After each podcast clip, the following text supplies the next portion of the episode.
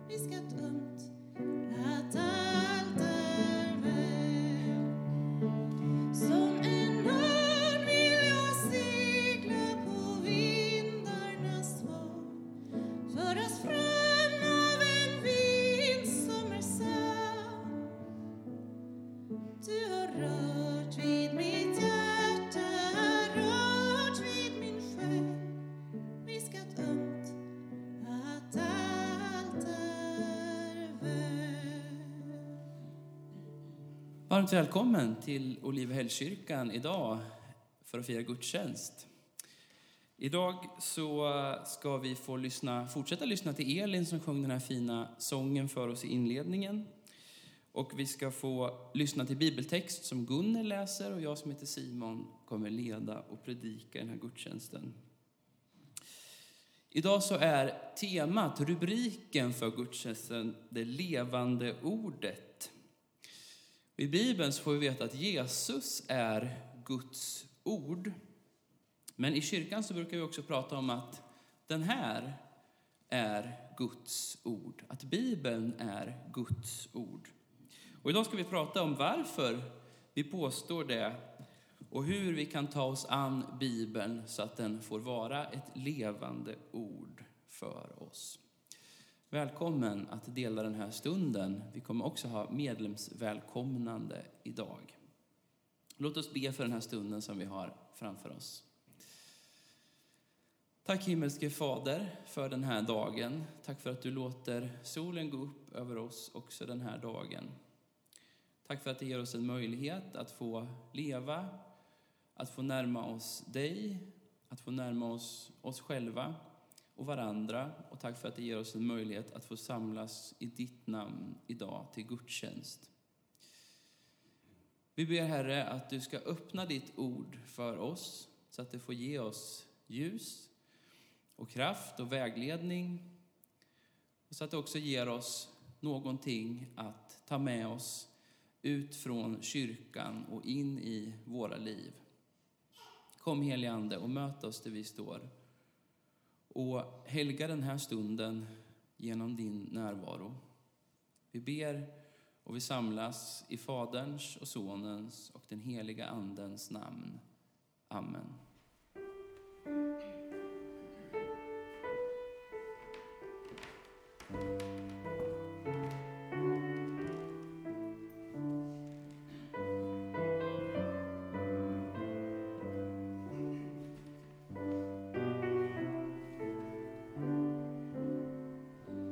Ja, visst. Då ska vi välkomna fram Stig Nyström. Välkommen upp här bredvid mig. Idag har vi glädjen att få med, eh, hälsa Stig välkommen som ny medlem. Och vi sjöng i sången om att vandra en okänd stig, men du är ju knappast en okänd stig för oss. Eh, för du är ett vant ansikte här på våra gudstjänster och du har varit med på, nu senast på alfakurs och bibelsamtal och ja, allt möjligt egentligen. Eh, känner oss ganska väl med andra ord. Och ändå så vill du gå med här i församlingen och bli medlem. Det är ju väldigt glädjande. Eh, berätta någonting om hur kommer det sig att du vill, vill vara med just här i Olivehällskyrkan? Ja, alltså, jag, har ju, jag har ju funnits. Jag har ju varit, jag har en kompis Kjell Karlsson. Så här. Nu då? Ja, ja. Jag har en kompis som heter Kjell Karlsson och vi har ju alltså varit, funnits i den här kyrkan i 30-35 år sedan ungefär. Och vi kallas för sö sökare då.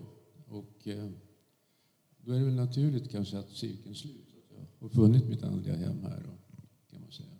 Men jag har varit, varit i olika miljöer, framförallt många karismatiska med, med lite tveksamma miljöer också. Men jag har alltid kommit tillbaks hit hela tiden. Jag trivs här och trivs med människorna här och det är jordnära och fint. Va? Så att det känns lite grann som mitt andliga hem att vara här.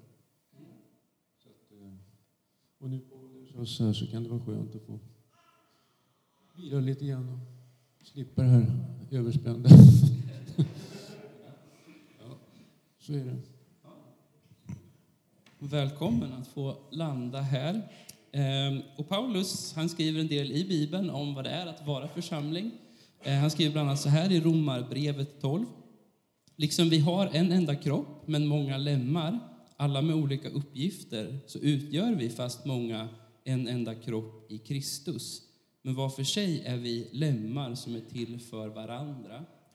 Och i Efesierbrevet 3 så skriver han, stå fasta och var stadigt rotade i honom, alltså i Kristus, så att ni tillsammans med alla de heliga förmår fatta bredden och längden och höjden och djupet och lära känna Kristi kärlek som är väldigare än all kunskap, tills hela Guds fullhet uppfyller er. Och med det som en slags beskrivning av församlingen är och församlingens uppdrag så frågar jag dig, Stig, eh, vill du dela församlingens gemenskap och uppgift tillsammans med oss i Olivehällskyrkan? Ja, det vill jag. Och vill ni som församling dela trons liv och församlingens gemenskap och uppgift med Stig? Ja. Gott. Då får jag hälsa dig välkommen som medlem i Olivehällskyrkan. Och eh, vi vill gärna be en bön för dig. Tack himmelske Fader för Stig. Tack för att han är, är ditt barn. Tack för att han har sökt och funnit någonting i dig att hålla fast vid, att söka djupare i. Tack för att vi alla får söka oss närmare dig och för att vi får göra det tillsammans i församlingar, i gemenskaper där vi får ha en plats där vi får vara de vi är och bidra med det vi har och få ta emot mycket gott ifrån varandra. Och jag tackar dig för det vi har fått ta emot från Stig och det vi kommer få ta emot från Stig fortsatt också. Tack för det som vi som församling kan få vara med och stötta upp och ge honom. Kom helige Ande och fyll Stig och fyll oss som församling så att vi kan få se och närma oss fullheten i vem du är, Jesus Kristus. Så att vår församling blir ett tecken på tro, och hopp och kärlek i världen. Jag ber så i Jesu namn. Amen.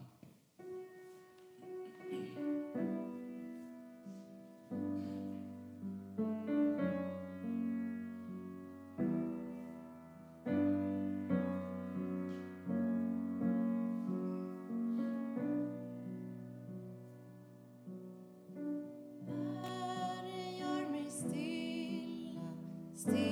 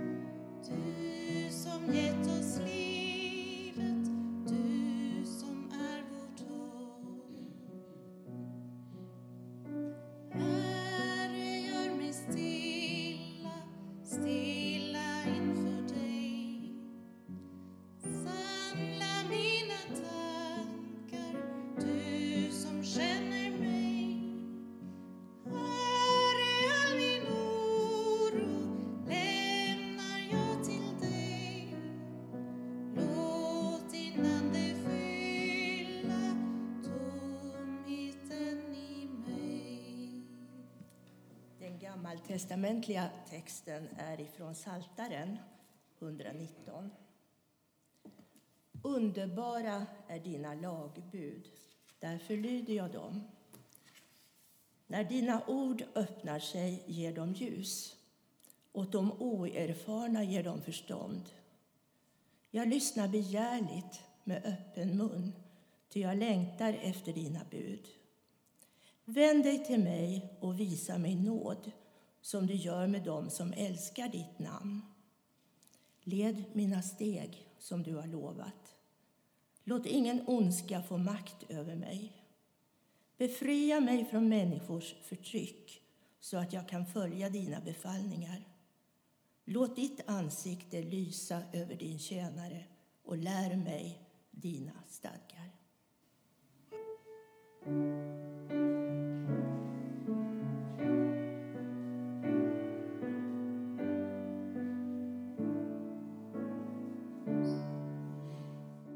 Ifrån Andra Timoteusbrevet, det tredje kapitlet. Stå kvar vid det som du har lärt dig och fått visshet om. Kom ihåg vilka lärare du har haft och att du ända sedan dina barnaår är hemma i de heliga skrifterna. De förmår ge dig den kunskap du behöver för att bli räddad genom tron på Kristus Jesus. Varje bok i skriften är inspirerad av Gud och till nytta när man undervisar, vederlägger, vägleder och fostrar till, en rätt, till ett rättfärdigt liv så att den som tillhör Gud blir fri från sina brister och rustad för alla slags goda gärningar. Visst, tack för de orden från Andra Timoteusbrevet 3. Nu ska vi tända barnens ljus. Nu tror jag alla barn har gått och lekt redan. Men eh, ja, vi har ett barn här. Välkommen fram om du vill hjälpa mig att tända ljuset. Idag finns det lite att välja på här. Man kan få prova att tända med en sån här tändare eller med en tändsticka. Vilket är du mest sugen på? Tändsticka? Ja. Ljusigt. Tack för hjälpen. Tack. Vi pratar om Bibeln idag. Jag har faktiskt lagt fram här på ett bord en massa sådana här olika biblar som finns. Eh, det finns ju många biblar som är gjorda för barn med olika bilder på. Och en sak som är väldigt bra med Bibeln är att eh, den kan finnas i lite olika former. En del heliga skrifter och så, olika religioner, de måste vara på ett visst språk för att det liksom ska räknas och så. Eh, men Bibeln kan vara på, på alla möjliga olika språk och det kan beskrivas med bilder. Och barn brukar vara väldigt bra på att läsa en berättelse och liksom fantisera och leva sig in i det. Det är väl vi vuxna också. Vi lär oss det som barn kanske. Och det är också ett jättebra sätt att läsa Bibeln. Att eh, läsa en berättelse och så kan man liksom i sitt huvud se framför sig hur det ser ut. Hur det luktar, vad som hörs, hur det känns att vara där, om det är varmt eller kallt eller blåsigt. Vad det är för stämning i rummet. För att läsa Bibeln handlar om att lära känna Jesus. Och det kan vara fantastiskt bra att få läsa Bibeln med sin fantasi. Ja, visst. Eh, nu ska vi sjunga en sång till tillsammans, psalmen 417. Och medan vi gör det ska vi samla in en kollekt, en frivillig gåva till församlingens arbete. Den får man gärna swisha in till nummer 123 690 3900. Tack för din gåva.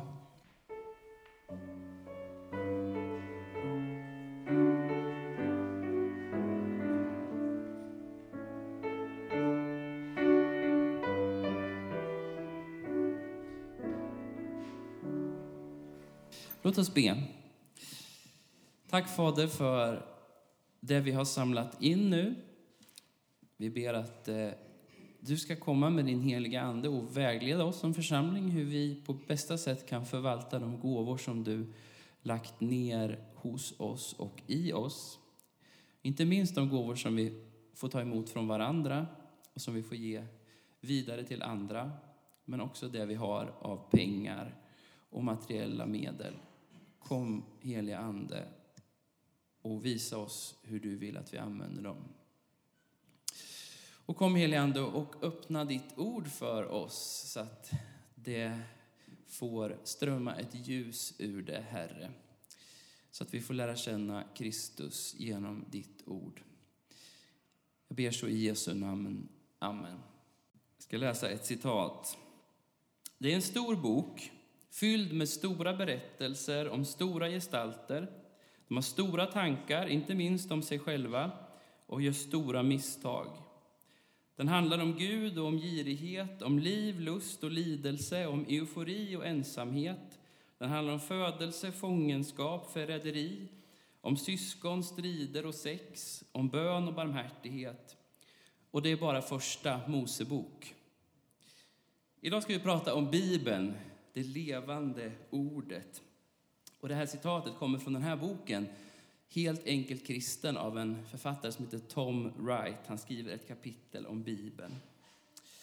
Ja, Bibeln är en stor bok, en bok som innehåller eller har beröringspunkter med nästan allting som vi känner som mänsklig erfarenhet. Den är dels ett tidsdokument som sträcker sig över hundratals år, ja till och med till tidens början om man så vill. Och sen kristendomen blev den stora religionen i Europa för sådär 1600-1700 år sedan så är Bibeln den mest spridda och lästa boken vi har. Den har använts av och den har inspirerat allt ifrån konstnärer och kompositörer och författare och poeter till filosofer och historiker och arkitekter, samhällsvetare och politiker. Den har inspirerat till det som vi kallar för sunt förnuft och till lagar och till mänskliga rättigheter. Men har också använts för att rättfärdiga förtryck och krig. Och ändå är den omistlig, ett av de ben som kyrkan liksom står på. Jag har försökt att fundera på hur kyrkan skulle kunna se ut eller fortsätta om vi tog bort Bibeln. Men jag kan inte med min fantasi i alla fall se det framför mig. Kyrkan och den kristna tron finns inte utan Bibeln. Bibeln är omistlig. Men frågan är vad är Bibeln? Vad vill den själv vara? Och vad vill den göra med oss som läser den? Trots att Bibeln är en helig skrift för kyrkan och väldigt viktig så är den inte helig därför att den har fallit ner som ett färdigt dokument från himlen. Det är inte Gud som har skrivit Bibeln. Och den är heller inte helig därför att någon särskilt helig person har fått en uppenbarelse som den har tecknat ner ord för ord. Bibeln är skriven av en rad olika människor i olika positioner, i olika tider. De har haft olika perspektiv, olika mycket kunskap. Och Bibeln innehåller i långa stycken Guds röst, men också en massa andra olika röster. Bibeln berättar om vad Gud har gjort i världen och hur människor har gensvarat på det. Och det har inte alltid varit bra gensvar. Många gånger har människor inte förstått eller förmått att ta emot det som Gud har gett. Och många gånger så gör människor rakt upp och ner motstånd och uppror mot Gud, även inom Bibelns pärmar. Och Bibeln är befriande oretuscherad på det sättet. Den beskriver människor så som de är. Och då blir frågan, hur ska vi lyssna och ta till oss till Bibeln? Denna kör av olika röster. För inte så länge sedan så läste jag en artikel som handlar om väderappar. Det finns ju en väderapp i de flesta telefoner. Och det fiffiga med de där apparna är att de kan veta precis vart man befinner sig och visa vädret. Idag blir det soligt på Vallbyvägen. Och det där är ju bra, för det är det man är intresserad av på morgonen när man ska välja jacka och skor. Men i den här artikeln så var en meteorolog från SVT med och uttalade sig. Han var ganska kritisk till väderapparna. Han sa att om man använder en väderapp och försöker förstå vädret med den så är det som att titta på en fotbollsmatch genom ett sugrör. Man kan ju se bollen kanske då, men man förstår inte var på planen den är eller vem som har den, om den är nära att bli mål. Och så där menar han att det var med väder också. För att förstå vädret så måste vi se de stora rörelserna, hur lågtrycken och högtrycken och vindarna eller allt vad det kan vara rör sig. Och han menar att det är därför vi kan bli överraskade sådär. Ja, men det stod i appen att det skulle bli sol och så är det regn. Därför att vi har tittat på vädret genom ett sugrör. Och så där tror jag det är med Bibeln ibland också. Ibland förväntar vi oss att Bibeln ska ge oss starka one-liners, ett citat man kan skriva på väggen som ger vägledning. Och så är det i och för sig ofta eftersom Bibeln innehåller många starka och mättade och vackra verser. Vi hörde den här fina poetiska bönen från psalm 119 som Gunnel läste. Ibland så vill vi gå till Bibeln för att få veta vad som är rätt och fel i en fråga. Och det är ju för sig bra, det är en god sak. Eh, men det kan bli knepigt om vi bara vill hitta en enkel regel, det där definitiva stället som säger ja eller nej på våran fråga. Det finns visserligen en hel del raka besked i Bibeln där saker och ting framställs som rätt eller fel. Men de finns alltid i en större berättelse, som del av en berättelse om relationen mellan Gud och människor. Och så där är det också med de inspirerande citaten. De är del av en större berättelse. De flyter inte bara omkring i en rymd där vi kan plocka ner dem och välja att följa dem eller inte följa dem. De finns i sammanhang med väldigt mycket kött och blod, med väldigt mycket känslor, med väldigt mycket verkliga händelser, situationer. Med andra ord, när vi läser Bibeln med ett sugrörsperspektiv så missar vi helheten. Och det finns många olika metaforer för vad bibelläsning kan och bör vara. Det här som vi sjöng till exempel, att Guds ord är en lykta för vår fot. Det är en bra metafor. Men ett fruktbart sätt att läsa Bibeln tror jag är att läsa den som Guds stora berättelse om världen. Det är en berättelse som, om vi marinerar oss i den, kan få forma vår bild av världen. Och då tror jag att vi får en större bild än vi kanske tidigare hade. Då framträder världen som en i grunden god plats och människan som en varelse med goda förutsättningar för ett gott liv. Men också en plats som inte har tagit vara på den möjligheten. En plats där den grundläggande goda ordningen blivit rubbad. Men genom Bibelns lins så framstår också världen som en plats full av hopp. En plats där människor har möjlighet att kroka arm med Gud och med varandra. Och en plats där det egentligen är mer logiskt att tänka att förlåtelse och försoning eh, förvandlar världen bättre än hämnd och straff. Och där det egentligen är mer logiskt att tänka att det goda i livet räcker åt alla. Därför behöver vi inte kämpa om det goda i livet. Och I Bibeln framträder en värld där Gud är så stor att inte ens döden behöver vara slutet för en människa. Och där det finns en absolut gräns för hur länge ondskan får härja i världen. Bibeln är smartare än att bara ge oss en samling regler att blint följa. Sådana kan man ju enkelt välja bort. Och den är smartare än att den ger oss en sån här kort sammanfattning bara som jag har gjort nu, eller några visdomsord på vägen. Istället inbjuder den oss att tänka, vem är jag i den här stora berättelsen om världen? Vad står jag i berättelsen? Och vad vill Gud att jag ska veta genom den här berättelsen? Gör vi det så handlar livet med Bibeln om att lyssna och att leva. Att lyssna på vad Gud säger och faktiskt låta sig påverkas av det på djupet. För när vi lägger våra livsberättelser till Guds stora berättelse så kan vi få vara med om det som Emmausvandrarna fick uppleva att våra hjärtan sätts i brand genom det ögonöppnande mötet med Jesus. Och att den där existentiella vilsenheten blir som bortblåst. Och den här Tom Wright som jag citerade i början, han jämför Bibeln med en teaterpjäs. Han målar upp ett scenario att, säg att man hittade en, en fantastisk teaterpjäs, fyra akters manus på en vind någonstans. Men den femte akten saknades.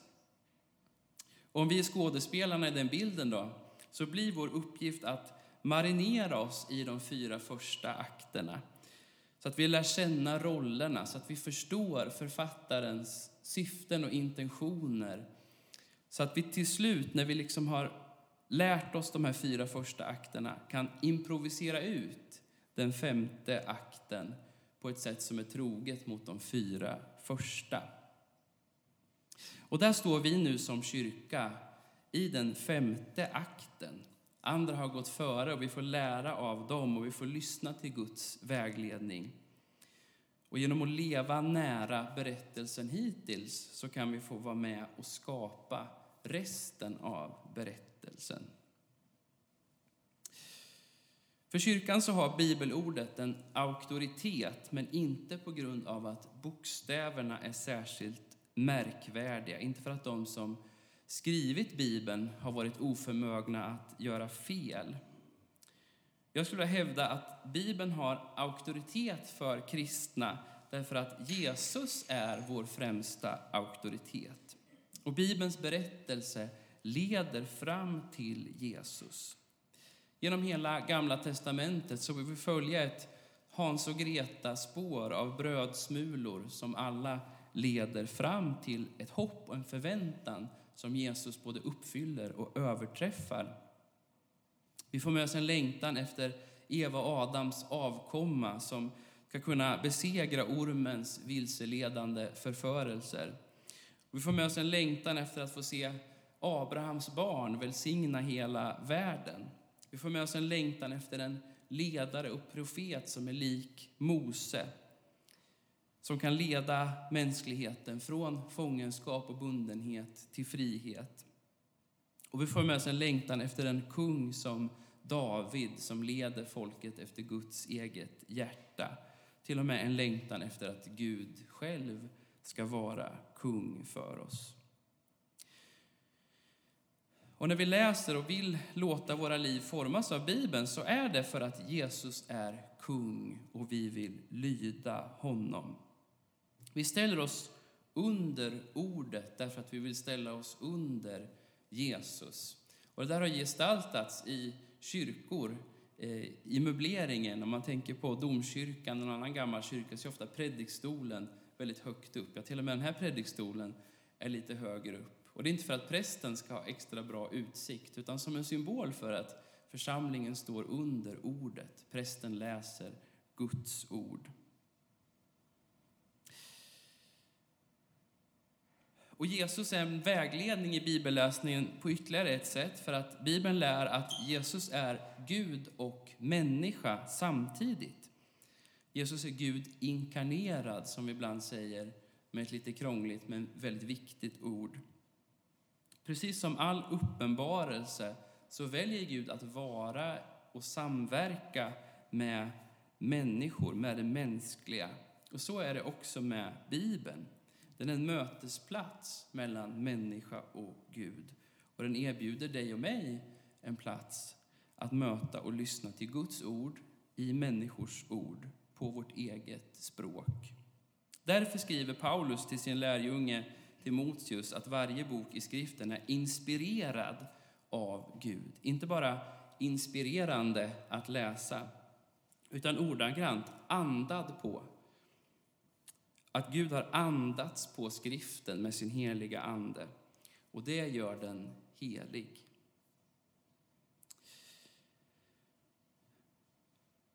Jag har försökt nu en stund sälja in Bibeln, eh, peppa dig att läsa Bibeln och se det som något viktigt. Men då vill jag också säga att jag vet att det inte är så lätt att läsa Bibeln. Jag såg någon undersökning i någon tidning för ett tag sedan att 2 procent av svenskarna uppger att de läser Bibeln varje dag. Det är betydligt färre än vad som firar gudstjänst regelbundet. Det är ungefär 10 procent. Så vi förstår att det är inte så lätt att läsa Bibeln även om man vill. Har du svårt med detta är du långt ifrån ensam. Vi behöver hjälpa varandra med att läsa Bibeln. Och vi behöver nog hitta sätt att hjälpa oss själva också att läsa Bibeln. Och om jag liksom samlar de goda råd jag själv fått och min egen erfarenhet kan jag se några saker som kanske kan vara en del i ditt pussel. Det första är att läsa Bibeln tillsammans. Historiskt sett och globalt sett så är vi en ganska exklusiv skara människor som kan äga en egen bibel och kunna läsa i den själva. Och det är naturligtvis fantastiskt, men Bibeln bör också läsas tillsammans och lyssnas till. Det är som sagt en stor berättelse som handlar om allt och alla och berör hela mänskligheten. Och jag tror att vi behöver få lära oss att leva i Bibeln tillsammans. För det andra så tror jag att det är vettigt att läsa Bibeln på lite olika sätt i olika perioder i livet. För att Bibeln ska bli den där stora berättelsen och inte bara en sugrörsbild så behöver vi ju läsa långa stycken. Vi behöver förstå de långa linjerna i Bibeln. Och det gör vi för att våra närläsningar, när vi läser ett kortare stycke som vi gör i våra gudstjänster, ska få bli ännu mer meningsfulla. När vi läser de här korta styckena så är det som att vi tittar ut genom ett fönster. När man gör det så ser man ju någonting. Ja, vi ser träden här bakom, om vi tittar genom det här fönstret. Men om vi skulle kunna gå nära fönstret och trycka näsan emot så ser vi ju hela landskapet. Vi ser hur, hur det vi ser genom fönstret hänger ihop med allt det andra. Och så behöver vi få göra också med Bibeln. Och då, nästa gång vi tittar genom fönstret på lite distans, så vet vi ju också vad som finns runt omkring. Så kanske bör man åtminstone med några års mellanrum läsa hela Bibeln, kanske på ett år, från perm till perm. Om man tar en tre, fyra kapitel om dagen så kommer man igenom den på ungefär ett år. Och då kan man få en fördjupad bild i den där fönstervyn. Och man kan läsa ständigt med frågan, vad vill Gud berätta för mig genom den här texten? Vem är jag i den stora berättelsen, även när man läser kortare stycken? Och för det tredje så vill jag återigen lyfta fram Jesus. Det är aldrig fel att börja och ständigt umgås med Jesus i evangelierna. Jesus är Bibelns huvudperson och den som bäst beskriver vem Gud är. Om man läser en deckare så är det ganska tråkigt att börja med sista sidan. Det gör liksom resten meningslöst. Men så är det inte med Bibeln. Vi måste hela tiden utgå från den som är Bibelns centrum, nämligen Jesus, världshistoriens centrum. Och det är den händelsen när Gud gav sig själv till oss, när Jesus gav sitt liv på korset och besegrade synden och döden i kärlek till dig och mig. Det måste vara vägledande när vi tolkar allting annat i Bibeln. Och för det fjärde och sista så finns det en bok i Bibeln som är så viktig för så många att det är svårt att inte nämna den i ett sånt här sammanhang. Allt från munkar och nunnor i klostren under tusentals år till nytänkande evangelikala pionjärer som till exempel The Message-författaren Eugene Peterson kan vittna om vilken kraft det finns i att leva med Saltaren. Saltaren är Bibelns stora bönbok, en av de böcker som Jesus och inte minst Jesu efterföljare citerade absolut mest. Och man kan ta sig an saltaren i sitt liv på flera olika sätt. Man kan göra som de har gjort i klostren och som fler och fler vanliga människor, om jag får uttrycka mig så, börjar göra, att be tidebönen. särskilda tider på dagen. Eller genom att läsa kanske en psalm om dagen vid sidan om sin övriga bibelläsning. Men att bedjande läsa den här poetiska bönboken har gjort skillnad för så många, inklusive mig själv, att jag är säker på att det kommer göra något gott också i ditt liv. Och att läsa Saltaren bedjande lär oss också att läsa allt annat i Bibeln genom bönen så att den får bli en dialog med Gud. Underbara är dina lagbud, därför lyder jag dem. När dina ord öppnar sig ger de ljus, åt de oerfarna ger de förstånd. Jag lyssnar begärligt med öppen mun, ty jag längtar efter dina bud. Så skriver psalmisten. Och vi kan få leva så, med öppna munnar, att ta emot någonting som kan möta vår törst. Med öppna öron för en berättelse som kan göra våra livsberättelser lite mer förståeliga och lite mer meningsfulla. Det är min övertygelse. Låt oss be. Tack Herre för ditt ord. Tack för att vi får leva tillsammans med det. Tack för att vi kan få lära av det. Tack för alla vittnesbörd om hur det har format människors liv, format samhällen på ett positivt sätt. Jag ber att du ska hjälpa oss i den här församlingen, oss som enskilda, alla kristna över hela världen, att läsa Bibeln på ett sätt som bygger upp, som formar oss för ditt rike. Och Herre, förlåt oss när vi har använt den på ett sätt som har gjort skada. Tack Herre för att vi idag kan få äga och leva med Bibeln eh, i en bok eller i våra telefoner eller vad det nu kan vara. Och jag ber att vi ska få se på världen genom dina ögon med hjälp av Bibeln. Kom helige Ande och öppna våra ögon och öron och hjärtan för ditt ord. I Jesu namn. Amen.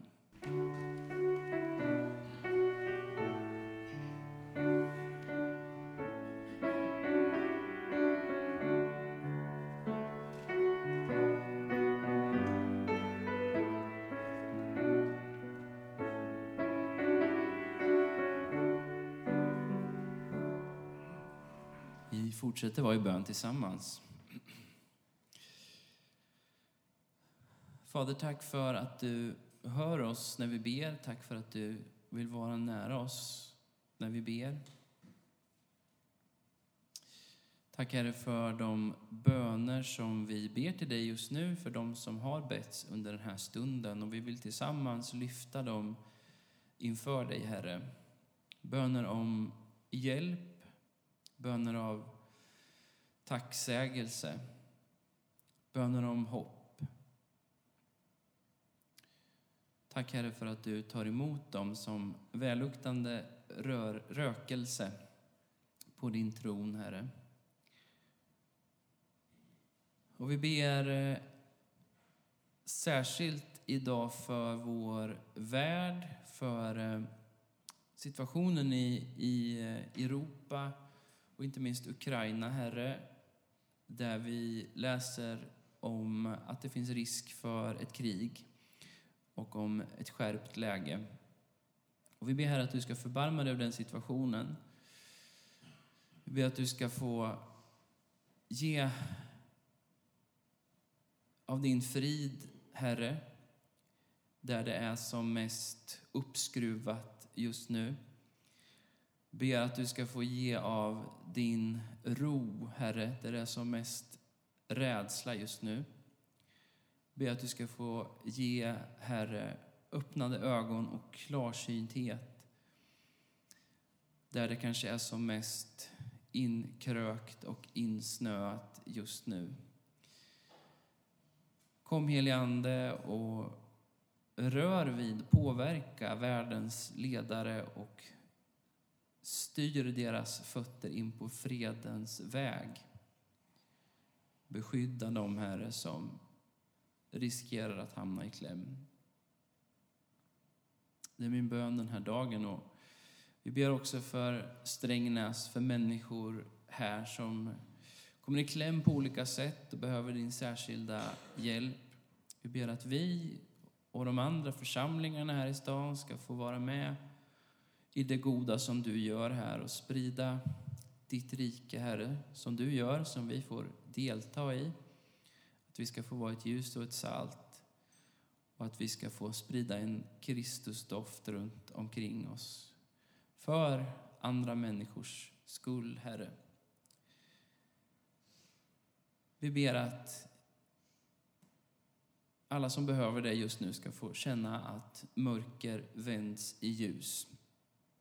Att den som sörjer ska få ta emot tröst. Att den som har ont ska få ta emot lindring. Och den som är sjuk ska få ta emot helande. Och att den som befinner sig i röriga situationer i relationer ska få ta emot försoning och frid där. Vi ber så i Jesu namn. Amen. Och be gärna med mig den bön som Jesus lärt oss. Vår Fader, du som är i himlen. Låt ditt namn bli helgat.